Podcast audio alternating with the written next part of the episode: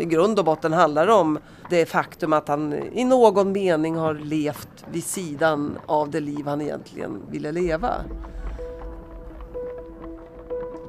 Den här något eh, stympade versionen av Alfred Nobel som vi tidigare har fått ta del av så är ju den här känsliga, extremt emotionella, romantiska diktaren som träder fram en överraskning. Det här är programmet Rik men ändå inte riktigt rik. Författaren och journalisten Ingrid Karlbergs biografi över Alfred Nobel är den första oberoende biografin över honom med arkiven digitaliserade och därför nu med alla osensurerade originalkällor tillgängliga. Så hur träder Alfred Nobel fram nu? Mitt namn är Bive Gelius. Välkommen till Dokumenterat. I den här bilden, här ser jag den hoppfulle Alfred Nobel i det här porträttet. Här har han en, en drömsk blick som jag tycker mer stämmer överens med den person som trädde fram i breven. Men här har vi den eh, bekymrade Alfred Nobel. Han är ju en eh, människa som lever ett eh, liv i ensamhet. Han är ofta ledsen. Han är egentligen ganska dålig självkänsla, får man intrycket av. Han har en, en tendens att gräva ner sig i bekymmer, måla ut sin tillvaro som eh, utan hopp eh. men det hänger ju ofta samman med de ganska kraftiga motgångar han har. Där finns också ljus, där finns drömmar, där finns även stråk av lycka.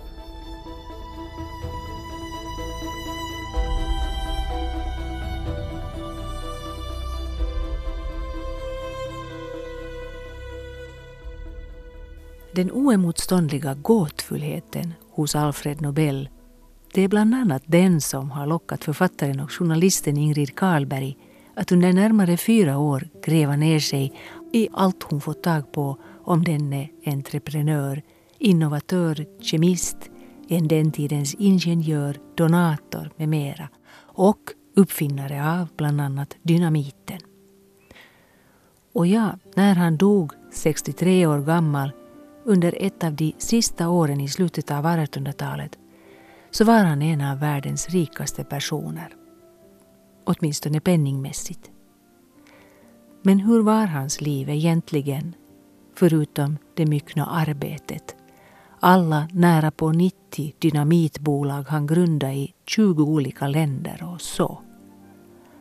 När Alfreds storebror Ludvig Nobel i slutet av 1880-talet vill att vi ska skriva en biografi tycker Alfred att det kunde räcka med bara något kort i stil med Alfred Nobel.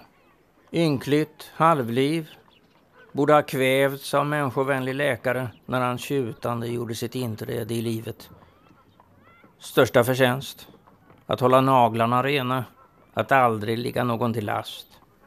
Största fel? Att sakna familj, glatt humör och god mage. Största och enda anspråk? att inte bli levande begraven. Ingrid Karlberg har tidigare fått Augustpriset för sin bok om finansmannen Raoul Wallenberg. Vad, förutom då gåtfullheten hos Alfred Nobel, har nu triggat henne att skriva om Nobel? Denna ensamma industriman, så ständigt på resande fot att författaren Victor Hugo kallar honom för Europas rikaste vagabond, luffare. Ja, det som har triggat Ingrid Karlberg är också att Ibland kan man få en känsla av att eh, för svenska folket så är Alfred Nobel han eh, blir som person eh, någonting som snarare liknar den här statyn vid Nobelprisutdelningarna. Alltså en förstelnad, allvarlig, rent av bitter gubbe. Människor vet väldigt lite om Alfred Nobel och därmed också bakgrunden till Nobelpriset. Eh, så därför har jag velat berätta den här historien på ett sätt som inte har gjorts förut.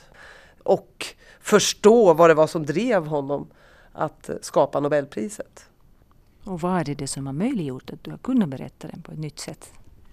Jag kan säga de första 50 åren efter hans död så vakade Nobelstiftelsen över så att säga, det som de ville skulle bli hans äreminne. De böcker som skrevs om Alfred Nobel var författade av Nobelstiftelsen vilket gjorde att man ströp en hel del information som man inte tyckte passade sig. Till exempel hurdan information? Ja, det var en del frivola eh, kommentarer om kvinnor, en del eh, svordomar, angrepp på kyrkan. Tidigare biografer har till exempel ogillat att Alfred Nobel kallat sig socialdemokrat. Och i hans brev så kan man hitta betraktelser i stil med när han skriver om hur han föredrar kvinnor som är begåvade och då uttrycker sig så här kärnfullt. Hjärnans intresse överlever pittens. Amen. Och så här skriver han i ett annat brev. Apropå, har du ingen källa för den allra sötaste lilla guvernant som jag nyligen såg i Wien? Och vid vars blotta åsyn hela manskönets två munnar torde vattnas. Alldeles prima kvalitet. Ne plus ultra, om du så vill. Nog därom. Fast det nog är hårt att lämna ämnet. Men också inslag i hans liv, relationer som han försökte sudda ut. Till exempel så är det ju känt att, numera känt att han under 18 år hade ett förhållande med en 18 år yngre kvinna. I berättelsen om Nobel har mycket byggt på det censurerade materialet. Och då den senaste biografin skrevs på 90-talet var researchen ännu en övermäktig uppgift. Då hade en digitalisering av arkiven inte gjorts och Alfred Nobel bodde ju i fem länder med material i ryska arkiv, svenska, tyska, franska och italienska arkiv. Så det, det är först nu det här har varit möjligt att göra.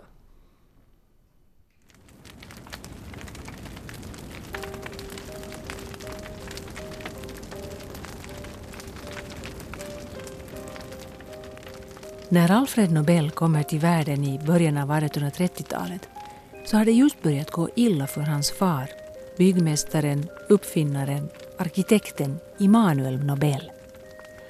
På självaste nyårsaftonen 1832 har familjens hem på Långholmen i Stockholm brunnit ner och misslyckade byggprojekt leder i slutändan till att han går i konkurs. Så några år senare så hotades han av fängelse till följd av sina skulder och tvingades ge sig av från sin familj och från Sverige. Han gav sig av österut, bodde i Åbo ett år i Finland. Han försökte hanka sig fram där Bland annat försökte han sälja gummi. Han satte in annonser i tidningarna i Åbo. Han ritade ett hus i Åbo som sedermera hamnade på bild som det första finländska fotografiet någonsin. På Nylandsgatan 8 låg det huset i Åbo. Det byggdes 1838. Men sen hjälptes Immanuel Nobel av landshövdingen i Åbo, Gabriel von Hartmann, med kontakter i Sankt Petersburg. Och det fick Immanuel att göra ett drag som man kan säga att kom att avgöra framtiden för hela hans familj. Därifrån tog han sig sedan vidare till Sankt Petersburg. Och det ledde till att Immanuel Nobel, som var en han var lite av en uppfinnarjocke, en eh, temperamentsfull person som eh, sprutade ur sig idéer på de mest skilda fält. Och på slumpartade vägar kom han att uppfinna en ny sorts sjömina för den ryska marinen som man lyckades sälja in. Efter fem år så hade den här sjöminan gjort Immanuel Nobel förmögen. Då kunde familjen komma efter och det gjorde att Alfred Nobel, nio år gammal, flyttade till Ryssland och Sankt Petersburg. Och det är intressant för att eh, Alfred och eh, den övriga familjen kom sen att stanna i Sankt Petersburg och Ryssland i 20 år. Och den perioden har varit något av en vit fläck i historien om Alfred Nobel och familjen Nobel. Jag har hittat väldigt mycket i de ryska arkiven, korrespondens eh, mellan tsarregimen och den Nobelska familjen som visar hur nära de stod den militära ledningen i eh, Sankt Petersburg och hur nära de verkade under det krig som skulle komma under deras tid i Sankt Petersburg. Krimkriget. Exakt.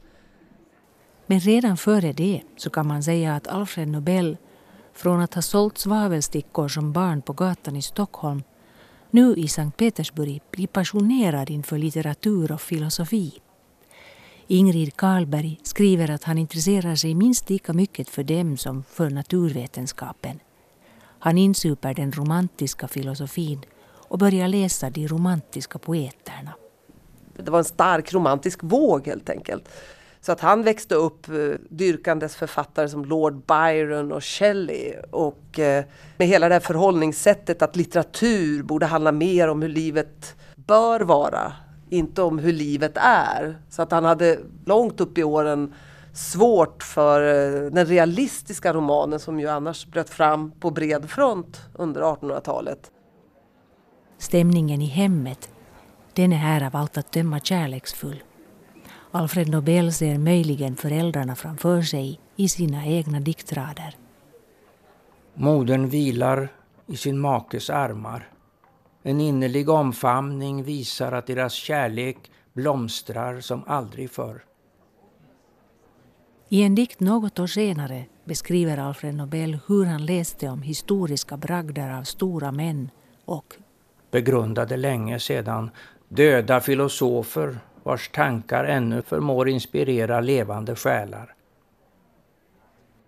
Ingrid Karlberg skriver att Nobel då verkar ha drabbats av en mycket stark ingivelse att följa de här filosofernas väg med ett livskall att tänka stort och handla edelt. Och ja, han drömde om att bli författare och övervägde vid olika tillfällen under sitt liv att försöka leva på sin penna. Också om det tidvis närmast kanske var när hans andra projekt gick dåligt. Men Shelley, Lord Byron och bland andra Esaias Tegnér och Viktor Rydberg förblev hans husgudar. Det är långa poem, högstämt idealistiska, romantiska tongångar. Men jag skulle säga att en kärna i nästan alla de här dikterna är just den här kontrasten mellan det ideala, det ädla, den ädla kvinnan, det ädla sättet att tänka, det ädla sättet att vara och en, en mer smutsig verklighet som omger oss.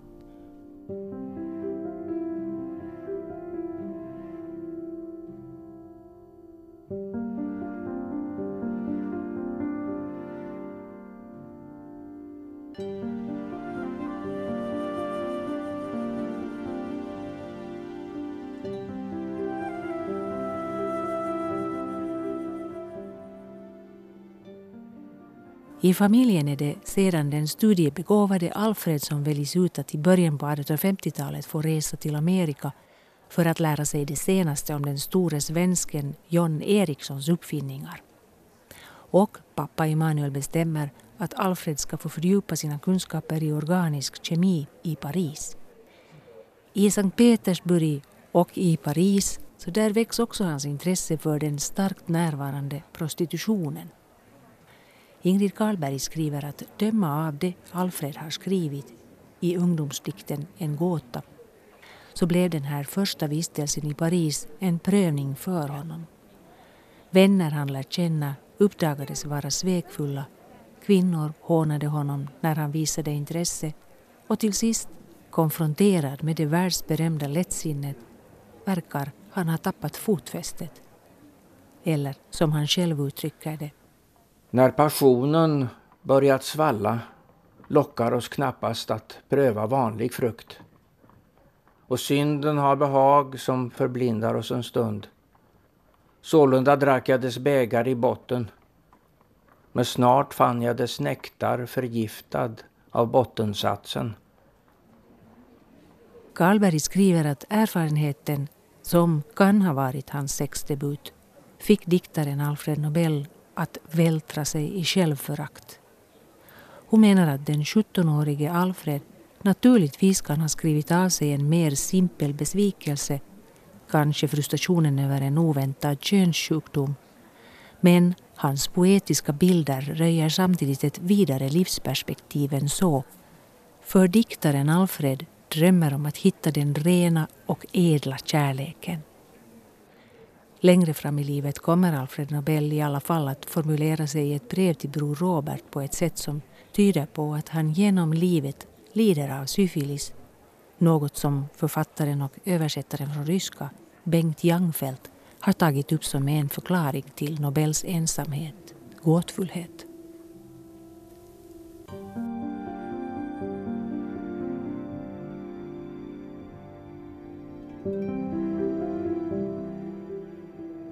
Men så tar Krimkriget slut, vilket har en stor betydelse för pappa Immanuel och hela familjen Nobel eftersom beställningarna upphörde. Några år efter kriget så hamnar Immanuel Nobel återigen i en konkurssituation. Familjens gemensamma närmare 20 år i Sankt Petersburg går mot sin ände helt i slutet av 1850-talet. Och i och med konkursen flyttar Immanuel med tungt hjärta till Sverige och det där tror jag, alltså att de här återkommande konkurserna som hans far gick igenom och det som kan man säga, Ludvig och Robert och Alfred Nobel hur de tvingades och fick försöka under många år hjälpa föräldrarna ekonomiskt. Hela den bakgrunden kom att prägla Alfred Nobel eh, väldigt mycket genom livet. Han visste på något sätt att fattigdomen var aldrig särskilt långt borta. Och i något skede inreder Alfred också ett litet laboratorium hemma i sitt och Roberts kök där han till slut lyckas antända det ämne som hans far också har experimenterat med, Porrglycerinet, som också börjat kallas nitroglycerin. Men efter ett antal experiment så blev Alfred till slut tvungen att flytta då grannarna klagade över alla explosioner.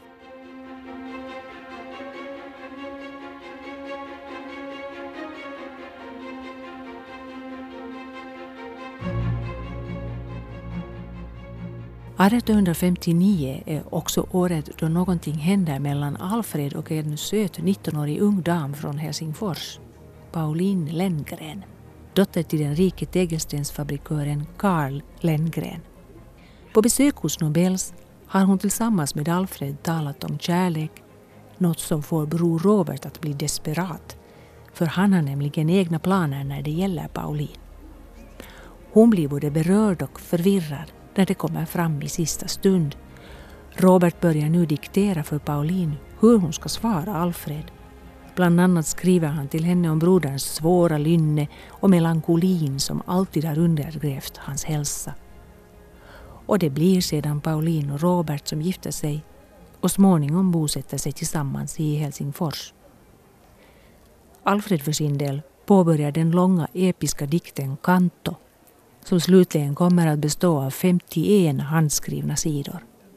Också i den söker han en högre mening i livet, trött på människans ytliga falskspel och meningslösa jakt på bland annat titlar och rikedomar. Jag kan slita masken av själviskheten, även om den är förklädd till vänskap. Av rötan dold bakom grannlåt och smink. Av otukten bakom hycklad kyskhet av nedrigheten i ett prisat liv.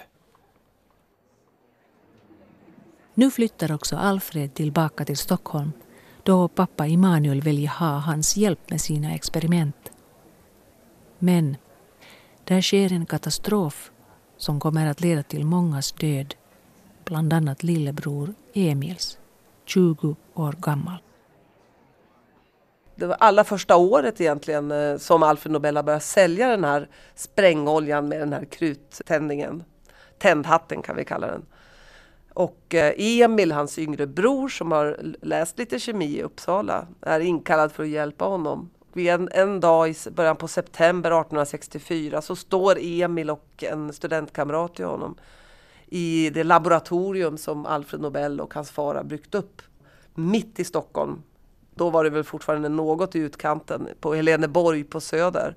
Men det var ju ändå ett bostadsområde med, med bostäder intill. Och eh, på förmiddagen den dagen så smäller plötsligt hela laboratoriet eh, i en sån här, vad jag gissar, spontan sönderdelning. Eh, och eh, ja, av de människor som befann sig i laboratoriet återstod ju bara, bara rester. Och däribland Emil Nobel det var en väldigt akut situation under alla de här åren. För man kan läsa i breven från föräldrarna att de är närmast desperata.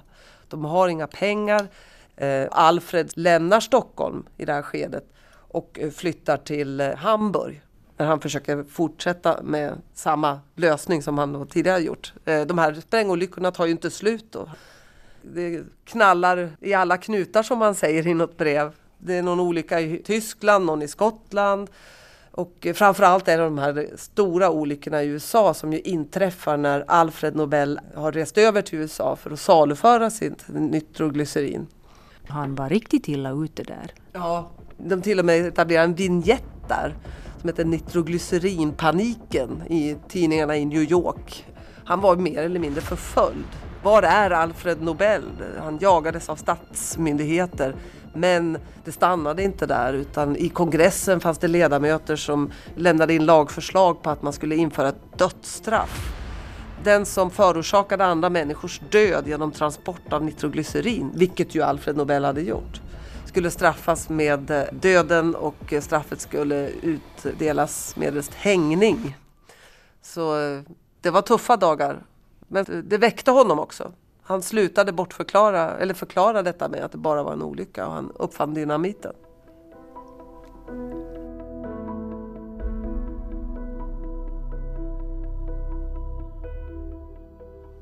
Men under den här tiden så växer ju feminismen fram också. Så hur förhöll han sig till den? Ja, det är väldigt intressant för han eh, jag brukar kalla honom för en tidig feminist för att han redan från unga år formulerar sig eh, på ett sätt som var väldigt ovanligt i eh, 1800-talets borgerliga miljöer. Han bejakar och beundrar kvinnor med intellektuella intressen och som han skriver till sin bror i unga år vid något tillfälle att hans tes är att kvinnor är mer begåvade än vi. Han är en tidig, tidig, tidig förespråkare för kvinnlig rösträtt. Han eh, drömmer själv om när han eh, ska formulera sig, bland annat i de här poemen, om den kvinna som han vill leva med. Så han söker något mer än ett vackert ansikte. Han söker en själ, en kvinna som kan se in i hans själ, som kan föra samtal med honom och eh, dela hans intellektuella intressen, läsa böcker och intressera sig för kvinnor med karriärambitioner. Han var radikal på många sätt. Han är ju 40-årsåldern när han kan slå sig till ro, köper ett hus i Paris. Och jag kan se spår av hur han förbereder ett stadgat liv. Hans bröder har gång på gång varit på honom då. När ska du slå dig till ro? När ska du sluta kuska runt i Europa i dina affärsspråk? Eh, nu när du äntligen kan kalla dig förmögen måste du värdera detta att slå sig till ro med en familj och det märker man när han väl är förmögen där i början av 1870-talet och köper det här huset i Paris. Så ser man eh, spåren av hur han förbereder ett familjeliv. Det var en dag jag satt på Riksarkivet i Stockholm och gick igenom offerter och fakturor från inredningen av hans hus. Och eh, det klack till i hjärtat när jag såg hur han i några tidiga offerter där beställer kostnadsförslag på inredningen i ett eh, rum för Madame, alltså hans tänkta fru. Och hur det i denna inredning skulle finnas en chaise bébé, en babystol, alltså för hans tänkta barn kan jag gissa. Strax därpå, efter den här offerten skrevs, så sätter han in en annons i en österrikisk tidning man kan diskutera innehållet i den annonsen men jag är ganska säker på att det han sökte var inte bara någon som skulle bli hans sekreterare som det ibland har påståtts. Och den kvinna som svarar på den annonsen är ju som ett under, motsvarar ju alla de här förväntningarna som han har då formulerat i sina dikter tidigare. Den, hon är verkligen den här intellektuella kvinnan. Hon heter Berta Kinski, sedermera Berta von Suttner. Hon är i 30-årsåldern, en hög ålder att vara ogift i under den här tiden enligt värderingarna i det österrikiska borgerliga samhället. Var man 30 år och ogift i Österrike 1875 då befann man sig på Glasberget. Själv ansåg hon att hon var det för att hon var så begåvad och för att hon var så beläst. För på 1800-talet, särskilt i alla fall i Österrike vid den här tiden som hon beskriver det, så var det ju till nackdel för kvinnor att ha någonting i huvudet. Kvinnor skulle vara lite dumma våp. På så sätt blev de mer attraktiva, ansågs det allmänt, som både hon och andra har beskrivit det. Så för henne var det här ett ok, Hennes läsintresse var ett ok. Men för Alfred Nobel var det ju drömmen. Hon svarar på annonsen, reser till Paris och träffar Alfred Nobel. Och det går ju bara några dagar tills han enligt Bertrand von Suttners minne frågar henne om hennes hjärta är ledigt. Och då svarar Bertrand von Suttner nej. För hon är handlöst förälskad i en yngre man i Österrike eh, som hon har tvingats fly från för hans familj anser inte att hon är ett bra gifte. Men hon har bestämt, bestämmer sig då, återvänder till sin stora kärlek och de i sin tur flyr Österrike för att hon då inte accepteras av hans familj. Och det är nu hon får efternamnet von Suttner. Och på så sätt slutar det ju tråkigt för Alfred Nobel. Men samtidigt så byggs här upp en, en relation mellan Berta von Suttner och eh, Alfred Nobel som sedermera för mot fredspriset. För när hon eh, ett antal år senare tar kontakt med honom igen så har hon börjat skriva. Hon har förkovrat sig ännu mer och börjat skriva böcker. Hon skickar en bok till honom som gör honom förtjust. Och de inleder en relation som bygger väldigt mycket på hans beundran för hennes vassa penna, hennes eh, starka litterära verk och hennes filosofier. Inte minst om freden som ju blir det ämne som hon brinner för resten av sitt liv. Eh, men någon kärlekspartner blir hon aldrig för honom. Och det, det är en sorg. För han hittar aldrig sin själsfrände igen. Men han hittar någon? Han hittar någon. Det går inte så lång tid. Kanske ett år efter det att Bertan von Suttner har lämnat honom i hastigt mod så träffar Alfred Nobel, under oklara omständigheter, så träffar han en 18 år yngre kvinna från Österrike som heter Sophie Hess och som han inleder en relation med. Det är uppenbart i de tidiga breven att han är förälskad. I slutet av 1870-talet skriver han Kära Sofischen. Jag tänker på de angenäma stunder jag tillbragt i Paris nu senast. Hur står det till med dig, mitt kära, goda barn, i den gamle brunnbjörnens frånvaro? Spinner din fantasi gyllene trådar kring framtiden eller vandrar den unga själen genom minnenas lilla skattkammare? Ja, de blir så intima att han bland annat håller reda på hennes menstruationsdagar och hon lånar hans tandborste. Men de lever också mycket ett liv per brev. Hon skriver från olika kurorter och Alfred bland annat från sina många resor. Och han oroar sig över. Att hon flörtar med andra män. Faktiskt redan första året skulle jag säga. Upplys mig nu om du kan. Om vem som skickade, eller rättare sagt skrev ut åt dig det franska telegrammet till mig. Detta är en öm punkt oss emellan som starkt har rubbat mitt förtroende och eh, den här relationen blir ju väldigt mycket av ett kors för honom. Det är som han kastas mellan hopp och förtvivlan större, under större delen av deras relation. För Sofie Hess, ena stunden så verkar allting väldigt lyckligt. Hon har ambitioner, hon läser de böcker han vill att hon ska läsa. Eh, han försöker ju verkligen utbilda den här Sofie Hess till att bli den där själsfränden som han söker. Men gång på gång så kommer bakslagen, hon eh, formulerar sig illa i breven, han misstänker att hon träffar andra män, eh, han blir fullständigt ifrån sig av svartsjuka. Du begriper endast det som passar dig själv. Du är ur stånd att inse att jag i åratal av rent ädelmod har offrat mig. Det vill säga min tid, mina plikter, mitt andliga liv, mitt anseende, vilket alltid beror av umgänget med människor all förbindelse med den bildade omvärlden och till sist även mina affärer för ett oförståndigt och självsvåldigt barn som ej ens förmår se något ädelmod däri. Och så återfår han hoppet igen och tycker att eh, nu har de en bra relation. Men till sist så smyger det in fler och fler bevis på att de faktiskt har träffat andra män och så har han att hantera det. Och det här är ju en cirkus som pågår väldigt länge som eh, blir ett sorgebarn för honom. En, en, eh, någonting väldigt tungt i hans liv. Och hur går det med bebisängen? Bebisängen? Nej, Alfred Nobel får ju aldrig några egna barn.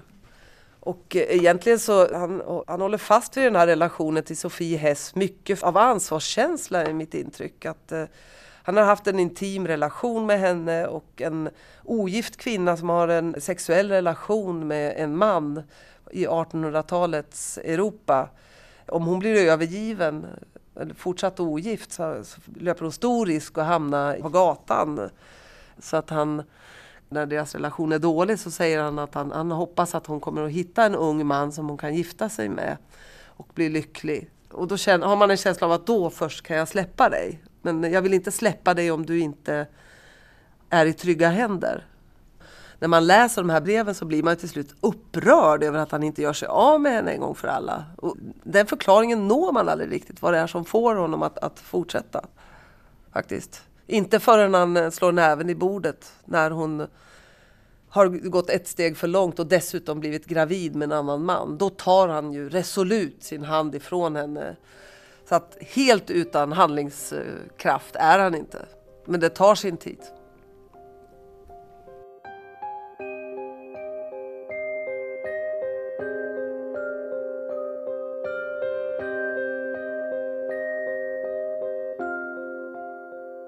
Jag tycker också att jag har lyckats nå en större förståelse för processen bakom Nobelpriset. Ibland sägs det ju att Alfred Nobel skapade Nobelpriset av dåligt samvete för dynamiten. Att det skulle vara nästan i hastigt mod, ett försök att liksom städa upp eh, sitt eftermäle på något sätt. Och det där tycker jag är betydligt mer komplext än så. Jag ser en process snarare i hans liv som för mot det här priset. I grund och botten handlar det om det faktum att han i någon mening har levt vid sidan av det liv han egentligen ville leva. Jag nämnde att eh, han gled in på sprängämnen för att, att rädda familjen men han bevarar ju hela tiden, genom hela livet, drömmen om att egentligen få syssla med något annat. Antingen att, att skriva romaner och, och poesi, eller för den delen teaterstycken, eller att eh, forska, sysslar med vetenskap. Men före han skriver sitt enda skådespel, Nemesis, helt i slutet av sitt liv, så köper Alfred Nobel sig en fastighet utanför Paris. Där bedriver han experimentverksamhet med sprängämnen och det är nu han blir tagen för spion och någon gång där kring 1889-90 så börjar franska säkerhetspolisen rikta misstankar mot Alfred Nobel och hans verksamhet i Sevran som ligger utanför Paris. Och eh, det leder till så småningom till att han våren 1890 fördrivs från Frankrike kan man säga. Han tvingas stänga sitt eh, laboratorium och han, han hotas av fängelse om han inte slutar sin verksamhet. Och det här är för övrigt eh, ett av de stora fynden som jag har i min research. Tidigare har man undrat över vad det var som låg bakom den här fördrivningen. Alltså det hade funnits vissa tecken på att han misstänktes för spioneri, men riktigt vad som hände och hur det gick till har man inte känt till. Men eh, jag hittade i det franska riksarkivet den eh, sedan länge försvunna spionakten över Alfred Nobel, alltså franska säkerhetstjänstens eh, personakt Alfred Nobel. Där då på gulnade dokument från sent 1800-tal kan man läsa exakt vad som hände med alla färger och dofter och hur agenter springer runt hans fastighet och eh, intervjuar hans personal, eh, talar om hur det låter eh, när han spränger där inne, hur, vad han tar emot för mystiska projektiler på järnvägsstationen och hur liksom hela den här misstänksamheten byggs upp som leder till att han till slut fördrivs från Frankrike den besvikelse han känner över sveket, hoten om fängelse om man inte stänger laboratoriet i Paris. Det leder till att Alfred i mina ögon ger upp någonstans. Han bestämmer sig för att nu har han sprungit länge nog. Han har hela tiden längtat efter att få göra någonting annat och nu har livet gett honom så kraftfulla bakslag att eh, han kan inte vänta längre. Och i det skedet eh, så ändrar han lite riktning i sitt liv. Och jag har hittat ett brev, ett väldigt spännande brev från eh, sommaren 1890. Där han, eh, han tar kontakt med en läkare han känner. Och jag ser det brevet som någon slags, det för verkligen mot Nobelpriset så småningom. Har ni mycket tid och är ni roade av forskning av rent vetenskaplig natur, alltså inom det fysiologiska respektive medicinska området. Om så är fallet kanske vi kunde grunda en liten association. Nu kommer det centrala. Jag förfogar över tillgångar och i mina ögon har pengar, så länge de räcker till för att säkra oberoendet, bara värde om de används för att göra nytta och underlätta forskarnas uppgift. Så där är det som om han har bestämt sig för att nu ska jag använda mina pengar till att underlätta för vetenskapen. Och i det första skedet där, den första tiden, vill han själv vara med och starta de här projekten. Och han drar igång flera vetenskapliga projekt.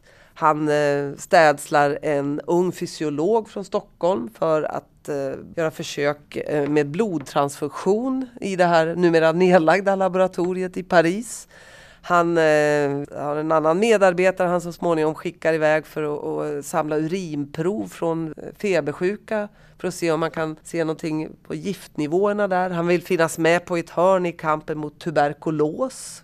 Detsamma gäller kolera. Han skänker en stor summa pengar till ett bakteriologiskt institut i Sankt Petersburg. Så, eh, och det är här någonstans han, första gången som jag ser det i breven, kommer in på tanken på ett pris. Hösten 1892 skriver han i ett brev. Så borde man instifta en internationell belöning till den person som lyckas kväva en smitta i sin linda och på så sätt förhindra spridning. Och I januari 1893 så skriver Alfred Nobel till Berta von Suttner att han har en ny idé om hur man skulle kunna nå framgång i fredsarbetet. Han skriver så här. Jag skulle i mitt testamente vilja avsätta en del av min förmögenhet för ett pris som ska delas ut vart femte år. Och så skriver han inom parentes. Vi kan säga sex gånger totalt, för om man inte har lyckats reformera dagens system på 30 år kommer vi ovillkorligen att återfalla i barbariet. Han skulle vilja instifta detta fredspris till den man eller kvinna som har gjort mest för att förverkliga freden i Europa. Och då tror man ju att Berta von Suttner ska bli fullkomligt överlycklig över den här idén. Att han ska testamentera en stor del av sin förmögenhet till fredsarbete. Vad svarar hon då? Nej, Alfred, säger hon. Inte är ett pris något effektivt vapen i fredskampen, menar hon. De som arbetar för freden har inget behov av belöningar. De behöver resurser. Nu kunde ju Alfred svara att ja, men ett pris i den storleksordningen jag tänker på, det är verkligen resurser. Men det gjorde han inte. Alfred Nobel dör eh, i december 1896.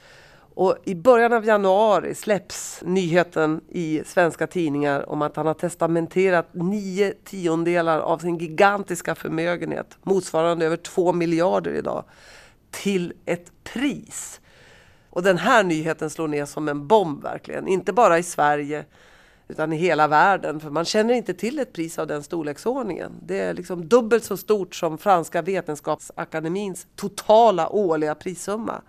Och då träder ju en dragkamp in här mellan de som Alfred Nobel har utnämnt till testamentsförvaltare och hans kvarvarande släktingar. Som har så mycket dramatik i sig så att jag trodde nästan inte det var sant.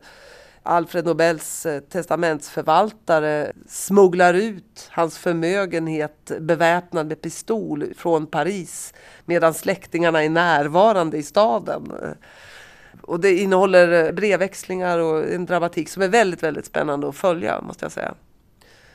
Men för Alfred Nobel handlade det om att gynna människor som verkade till mänsklighetens nytta. Han fick inte göra det själv, men han såg till att för alltid gynna vetenskapen, litteraturen och fredsarbetet. Så på sitt sätt så nådde Alfred Nobel till slut fram till något av det han drömde om och också skrev om redan som ung. Så som när han i 29-30-årsåldern i en dikt beskrev den framtid han längtade efter. I dikten bor han i en enkel bostad mer fylld av ömhet än av saker. Och han önskar sig en fru som är en ängel och ett barn som är smickrande lik sin mor, lika ljuvlig som en knoppande ros. Och han drömmer också om att få sig ett ryktbart namn som han förtjänat på grund av sin egen begåvning och sin upphöjda själ. Så människor ska beundra honom för att han är en upphöjd själ. Och denna beundran ska vara så stor att den, som han skriver i poemet, skulle skrivas in i människors hjärtan. Till nytta för mänskligheten. Om man har den här kladden då över dikten så ser man att där börjar Alfred Nobel tveka. Till nytta för mänskligheten. Sen strök han just de fyra orden och fortsatte. Allt detta fanns i min bubbla. Sedan brast den.